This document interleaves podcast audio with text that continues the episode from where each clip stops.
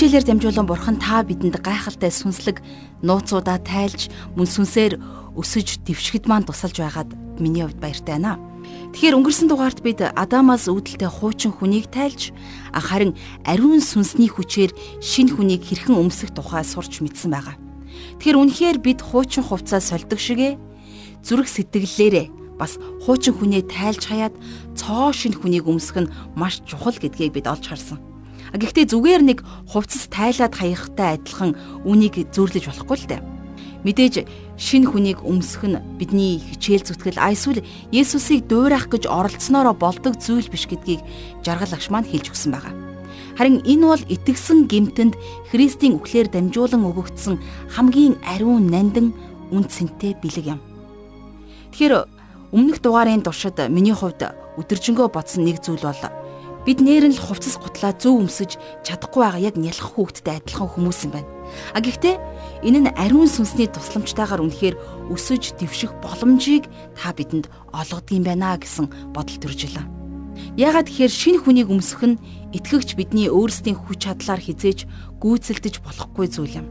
Гэхдээ энэ бүхэн бидний төлөө аль хэдийнэ 2000 гаруй жилийн тэртээ модон загалмайн өмнө хийгдсэн байгаа. Библи хуучин хүнийг Христтэй хамт цовдлогдсон гэдгийг үргэлж хэлдэг. А мөн Бурхан бидэнд Тэнгэрлэг оршихуд Христийн дотор орших ямар гайхамшигтай байр суурийг өгсөн тухай бид хамтдаа үзсэн байгаа. Тэгэхээр бидний энэ дэлхий дээрх алхаа маань тэрхүү сүнслэг байр суурьтай зогцох ёстой гэдгийг Паул онцгойлон бидэнд сануулж байгаа.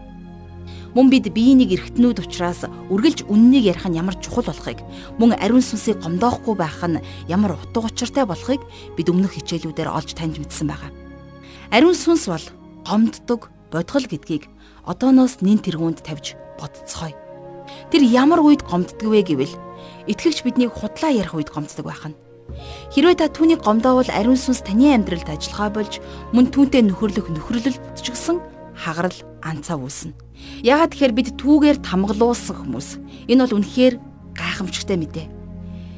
Тэгэхээр өнөөдөр бид хамтдаа Эфес номынхон 5 дугаар бүлгийн 3 дугаар ишлэлээс 5 дугаар бүлгийн 13 дугаар ишлэлийг дуустал уншиж судлах болно. Ингээд энэхүү цагийг бидэнд олгосон Бурхан Аавда талархаж хамтдаа залбирцгаая. Харта Бурхан Аав минь өхлийн харанхуугаас та татан гаргаж цоо шин ам амьдралыг бидэнд бэлгэлсэн. Таньда баярлалаа аваа. Та бидний дотроос хуучин муудсан гим нүгэлтэй бүхнийг гарган хайж харин ариун сүнсийг нутаглуулсанд таньда талархаж байна. Эзэн минь ээ та биднийг худал хуурмагт автахгүй байхад туслаарай. Хормоо нэгний явуулгаар ариун сүнсийг гомдоохоос зүрх сэтгэлийг минь та хамгаалж өгөөрэй. Өнөөдөр үзэх шин хичээлийг та хамгийн сайнаар хүргэхэд туслаарай аваа. Энэ хичээлийг эхнээс нь дуустал сонсох боломжийг та хүнийг болгонд гаргаж өгөөрэй. Яригчийн дээр та өөрийнхөө ариун сүнсний бэлхлийг дүүрэн байлгаж өгөөрэй. Эзэн бид сонсоод өнгөрөх биш. Харин ам амьдралдаа хэрэгжүүлэхэд та бидэнд туслаарай аваа. Бүхнийг танд өргөж эзэн Есүсийн нэрээр залбирanгуйж байна. Амен. Ингээд хамтдаа жаргал агшиг хичээлд анхаарлаа хандуулцгаая.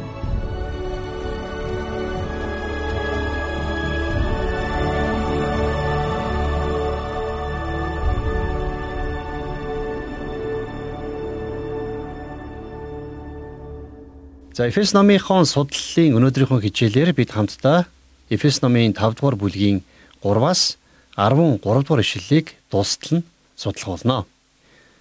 За энэ хэсэг дээр юу гарч ийн үг гэхлээр зэрэг итгэгч бид нар Христийн гэрлийг амьдралаараа дамжуулан бусдад яаж харуулах тухай. За дээрэс нь үг чухалч гэсэн үйлдэл илүү чухал байх ёстой талаар Паул өгүүлж байна. Ингээд хамтдаа Эфес номынхон 5 дугаар бүлгийг дэлгээд 3-аас дөрөвдүгээр ишлэлийг одоо уншийе. Харин ариун хүмүүст үл нийцэх аливаа садар самуу бузар булаа шунал нь та нарын дунд бүү дурддагдаг. Садар булаа шалиг балаа эсвэл самуун балиар яриан зохимжгүй. Харин оронд нь талархлаа өрг. За Паулийн энэ дурдсан нүглүүд нь өнөөдөр бараг л хэвийн үзэгдэл болчиход байна тийм ээ. Хэрвээ тухай итгэгчдийн дунд ч гэсэн их түгээмэл байдаг. Эдгээр нүглүүд нь ёс суртахууны доголдолтой байдлыг харуулдаг шүү дээ. Бурхны хүүхдүүд ийм зүйлд орооцолдох ёсгүйг Паул энд захиж байна. За өчүүхэн чулуу ийм байх нь сэтгэл сүнсийг бөхөөж байдаг. Би энийг олон удаа хэлж байсан. Одоо дахиад хэлмээр байна. Хэрвээ та нүгэл үлдээд тэрэндээ огтхон ч ичиж зовхгүй байгаа бол та бурхны хүүхэд биш. Эннээс өөр тайлбарлах арга зам байхгүй гэж би хувьдаа бодож байна. Харин хэрвээ та зүрх сэтгэлдээ болохгүй гэдгийг мэдэрч байх юм бол босоод яг л өнөөх төөрж тинээд эцэгтэй очисон хүүхэд шиг та бурханд эргэж очиорой. Та бол аавын хүүхэд. Зөвхөн хүүхдүүд эцгийнхээ гэрт очихыг хүсдэг. Эцгийн герт гахаа орохыг хүсч байсан түүх би өрдөөсөө сонсож байгаагүй. За Паулийн эдгээр жагсаасан нүглүүд нь бол бурханлаг биш хүнийг тодорхойлдог нүглүүд байна. Итгэгч та бурхны өмнө нүглээ бүгдийг мэдээж бөөндөд улааждаггүй байх. Ер нь ингэж бөөндөг ч юм биш. Харин та бурхны өмнө нэг нэгээр нь өчөх ёстой. За жишээлх юм бол та ховжив ярьж бусдыг шархлуулдаг бол энийгээ онцгойлон бурханд хэлээрэй. Та бурхны өмнө нүглээ улаахаар очихдоо нүглээ нэг бүрчлэн тоочж гимшээрэй. За ингэж байж бурхантай харилцах харилцаа чинь цэрэгэх болно. Тэгэхээр энэ нүглүүдийг итгэгч нар ихэвчлэн орхигдуулдаг юм. За орхигдуулахгүй байж бурхны өмнө улаах ёстой. За Фенилон гэдэг нэгэн хүн ингэж хэлсэн байна. Зүрх сэтгэлдээ байгаа хамаг жаргал зовлонгоо хамгаас дотн найзтай ярьж байгаа мэтэр бурханд бүгдийг нь уудлан дэлэг. Зовлон бэрхшээлж бурханд ярь тэр тайлгаруулах болно. Баяр хөөрөөч мөн түнтэй хуваалц. Бурхан урамшуулах болно. Хүсэл тэмүүлэлээ ярь. Бурхан тэднийг чинь ариусгах болно. Дургүйцэл гомдлоо бурхан дэлэг. Тэгвэл тэр ялхад чинь туслах болно. Тулгараад байгаа уруу татлагуудыг ярь. Бурхан таныг хамгаалах болно. Зүрх сэтгэлийнхээ шарахыг дэлэг.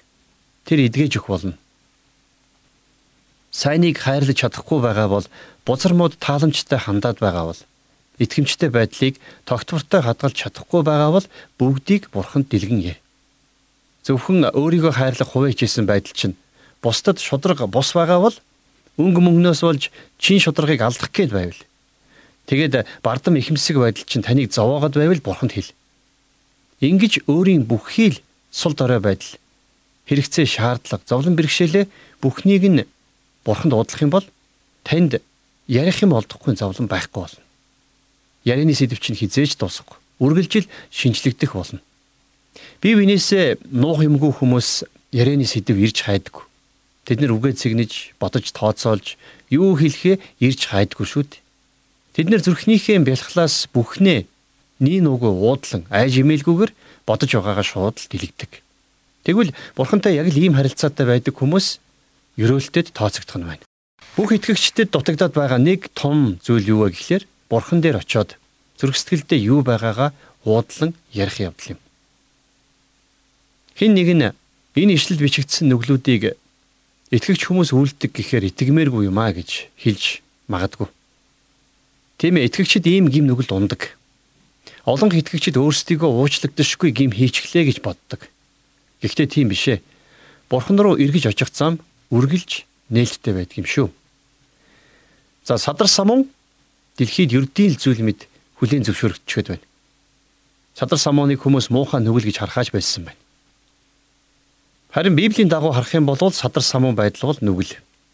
Та хаана байх, хэн байх нь хамаагүй. Хэрвээ та садар самуун явдалд орооцолдож байгаа бол Бурхны хүүхэд байж таарахгүй.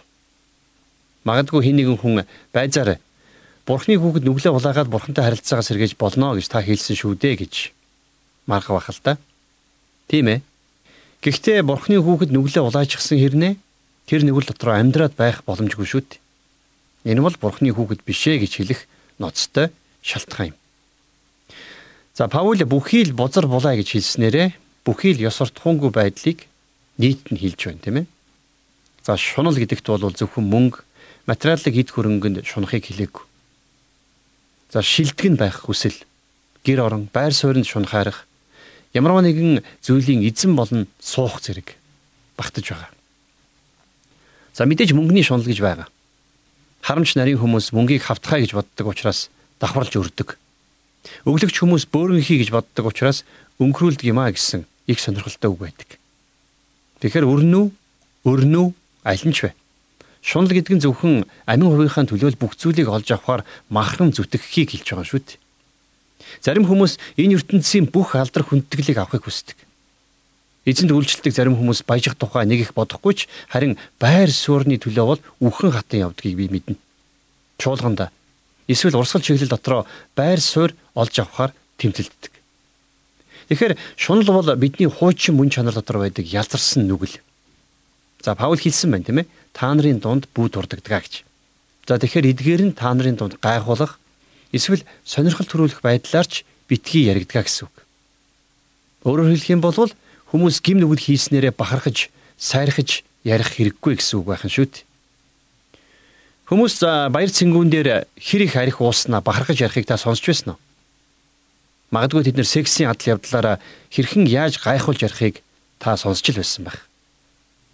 Тэгэхээр ийм яриаг итгэгч хүмүүс амнаасаа гаргах ёсгүй. Харин оронд нь талархлаа өргөө гэж Паул хэлсэн байна.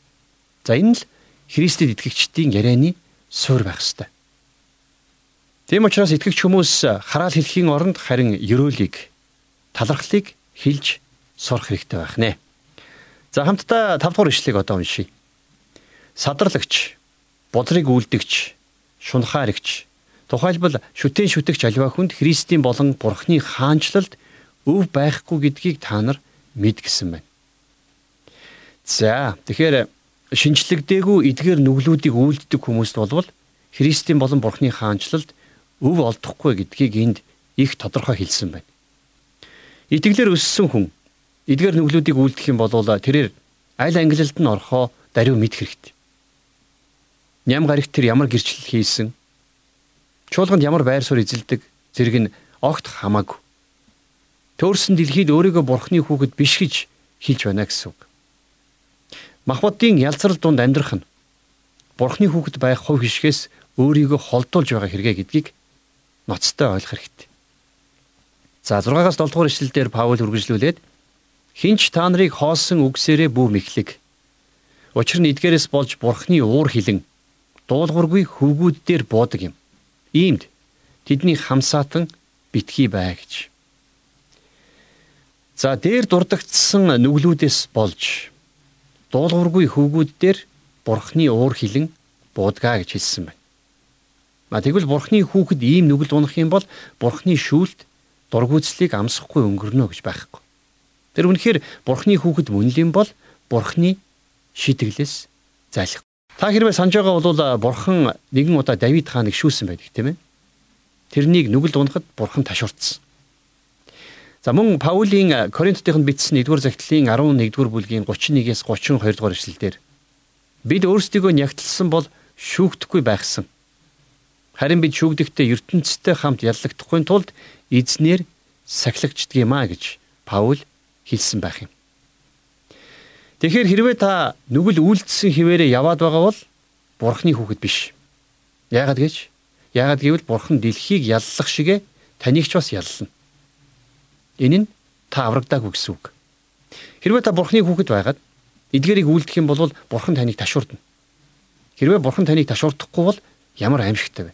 Энэ нь та бурхны хүүхэд бишээ гэсэн санааг илэрхийлж байгаа биз. Яагаад гэвэл бурхан диаволын хүүхдийг огт сахилгажуулдаггүй юм. За үргэлжлүүлээ 5 дугаар бүлгийнхээ 8-аас 10 дугаар ишлэгийг одоо уншийе. Урд нь харанхуй байсан та нар өдгөө эзэн дотор гэрэл тул гэрлийн хүүхдүүд ёсоор яв. Бүх сайн зөвхт байдал ба үнэнд гэрлийн үр жимс байна. Ингэхдээ эзэнд таалагдах юмыг ол. За хүмүүс ер нь аврагдахаас өмнө ямар байдалтай байсныг Паул эхлээд энд хэлсэн байна. Хүмүүс харанхуйд байсан. Тэд нар өөрсдөө ч харанхуй байсан тийм ээ. Харин бид нар үл итгэгчдийг харанхуйд байдгаа гэж ярьдаг. Гэт үнэндээ үүнээс ч дор. Харин Паул цааш хэлэхдээ эзэн дотор гэрэл гэж хэлсэн байна. За энэ бол дэлхийн гэрэл болсон Есүсээр бид гэрэлтэх ёстой гэсэн санаа. Паул гэрлийг үр жимс гэж байна тийм ээ. Тэрээр дандаа гэрлээс үүдэлтэй чанаруудыг энд хэлж байгаа. За бүх сайн гэдэг нь сайхан сэтгэлийг, зөвхт байдал гэдэг нь ёс суртахууны цэвэр байдлыг, За үнэн гэдэг нь чин сэтгэл болоод жинхэнэ байдлыг илэрхийлж байна. За монголчууд бид нэр мэс чанар гэж ярьдаг. Тэгэхээр Христэд итгэгч хүний мэс чанар цэвэр тунгалаг байх ёстой байх нь. Итгэгч хүн өөрийгөө бурхны хүсэл дотор байна уугүй юу гэдгийг мэдхийн тулд эдгээр зүйлсээр өөрийгөө шалгаж үзэх хэрэгтэй. Хэрвээ эдгээр чанарууд танд байгаа бол та бурханд таалагдсан лавтай.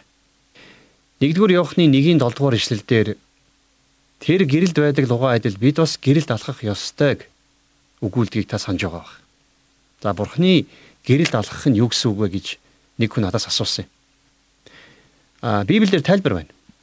Бүх сайн зөвхт байдал үнэн буюу чин сэтгэл ба жинхэнэ байдлаар алхнаа л гэсэн үг. Бидний алхаа гიშгэ амьдралын маань замнал 7 хоногийн турш юм байх хэвээр. Зөвхөн ям гарагт биш. 7 хоног тутам 24 цаг. Цаг тутмын 60 минутанд ийм байх хэвээр. За цааш нь дараачийн 11-ээс 13 дугаар ишлэгийг одоо уншийе. Харанхуйн үр жимсгүй ажлуудад бүү оролцсон. Харин ч тэдгэрийг илчил. Учир нь тэдний нууцаар үйлдсэн зүйлсийг ярихад ч ичмээр юм. Харин бүх зүйл гэрлэр илчлэгдэхтэй харагддаг юм а гэж.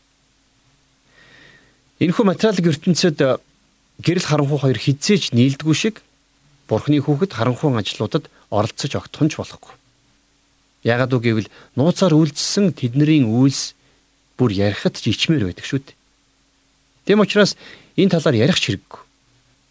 Ангийнхаа оронд бид тэднийг зэмлж, ухааруулж ятгах хэрэгтэй. Харин амьдралынхаа гэрэл гэгээр дамжуулан харанхуйн ажлыг зэмлээрэй гэсэн утга санааг Паул бидэнд хэлж байна. Харанхуй нуусан юмсыг гэрэл илчилдэг шиг харанхуйн тухай номлол хийснээр энийг зайлахгүй харин гэрэл оршин байх үед харанхуй замгардаг шүү дээ. Тэгэхээр шүүмжилсэн хандлагатай эсвэл юм бол номлоод байх хандлагатай итгэгчид сүүлийн үед хитрхи олон болсон юм шиг надад санагдаж байна. Тэд нар магадгүй аврагдаагүй хүнийг чи ингэж болохгүй гэж хэлснээр тэднийг засах гэж оролдож байна. Үнэн дээр бол бид харанхуйг ингэж хөөхгүй. Та өөрөө гэрэл болох ёстой. Та энэ талаар хүмүүст номлоод байх хэрэггүй. Та бидэнд юу хийх, юу хийхийг битгий заа. Газар аваад байгаа хідэн нүглийн эсрэг номлохыг хүссэн загтлуудыг би хүмүүсээс байн хүлээж авдаг. Үгүй эгүй. Миний ажил бол Бурхны үгийн гэрлийг асах явдал. Бурхан энийг л өөрийнхөө үгэнд зөв гэж хэлсэн. Аврагдаагүй хүнийг өөрчлөх гэж та оролдох хэрэггүй. Тэр өөрчлөгдөж чадахгүй. Харин тэд нар өөрчлөгдөхийн тулд дахин төрөх хэрэгтэй. Та тийм учраас тэрний хуруугаараа жижилж чи битгий инг тийг муу хүн байж болохгүй гэж хэлээд ч нэмэргүй. Тэгэхээр миний санаагтаа ойлгож байна уу? Итгэгч бид нар өөрсдөө гэрэл болж амьдрах ёстой. Бид нар өөрсдөө үлгэр жишээ болж амьдрах хэрэгтэй гэсэн үг. Тэгэхээр харанхуйг бид нэр лекц уншсанараа эсвэл номлоснороо хөөж чадахгүй. Зөвхөн өөрсдөө гэрэлтэж байж л харанхуйг гэрэлтүүлж чаднаа.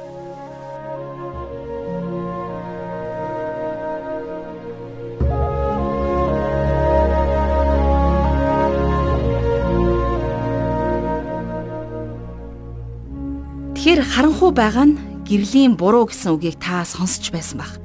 Энэ бол итгэгч хүмүүс бид харанхуйд гэрэл болон амьдрч чадахгүй байгааг илэрхийлсэн үг гэж би хувьдаа боддог. Тэгэхээр өнөөдрийн нийгмийн өнгө төрөх ааш авир яг ямар байгааг та надаар хэлүүлдэхүү сайн мэдж байгаа нь лавтай. Тэгвэл бид итгэлийн гэрэл гэгээгээр дамжуулан харанхуйн бүх ажлуудыг зэмлэх хэрэгтэй. Учир нь харанхууд үүрлсэн юмсыг гэрэл үргээдэг гэрэл оршин байх үед харанхуй замхардаг гэдгийг бид энэ хичээлээр маш чухалчлан ярилцлаа шүү дээ. Тэгэхээр үнэхээр та байгаа газартаа гэрэл болж амьдарч чадж байна уу? Иргэн тойрондоо байгаа хүмүүст бурхны гэрлээс хуваалцдаг уу? Хэрвээ хуваалцах арга замаа мэдгүй байгаа бол энэ хичээл танд туршлага болсон гэдэгт итгэлтэй байна. Харамсалтай нь өнөө цагт хоёр нүртэй итгэгчид дэндүү олширсан байна. Тэд үдшилэг цэнгүүн дээр бие зүв авч авч чадахгүй яг л бусад шиг харанхуун ажлуудыг имэж ичихгүй хийдэг. Арх дарс уучсан хэрнээ бурханд итгэдэг гэж ичгчгүй ярина. Энэ бол харанхууг хөөхөш харин түүндээ өөрсдөө уусан шингэж байгаа хэрэг юм. Бурхан биднийг ийм байдалтай байгааг харахыг хизээж хүсэхгүй.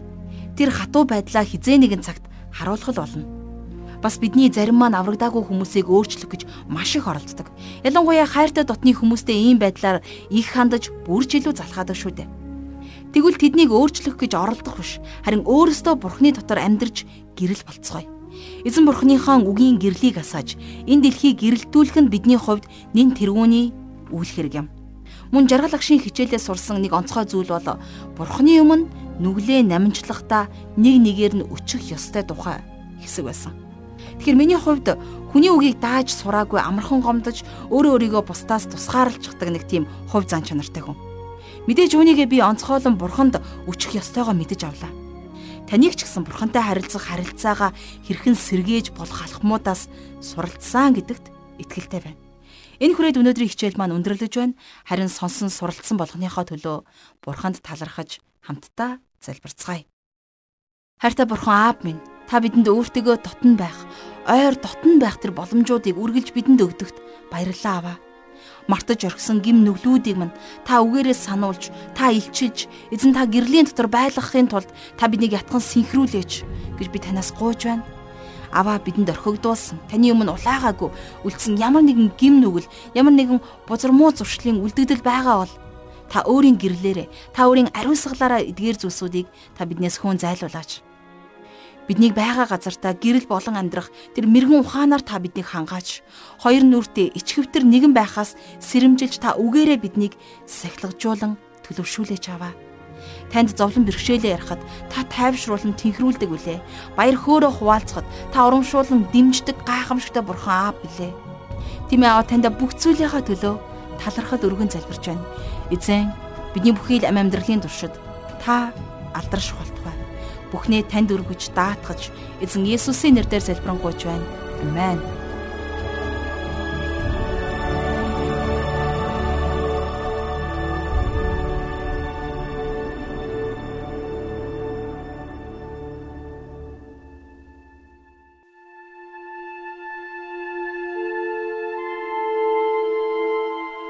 Библийн боловсрол олгох, Библийн хуудасаар нэвтрүүлэг танд хүрэлээ нэвтрүүлэгтэй холбоотой санал хүсэлтээ 8085 99 тэгтэг дугаард ирүүлээрэй.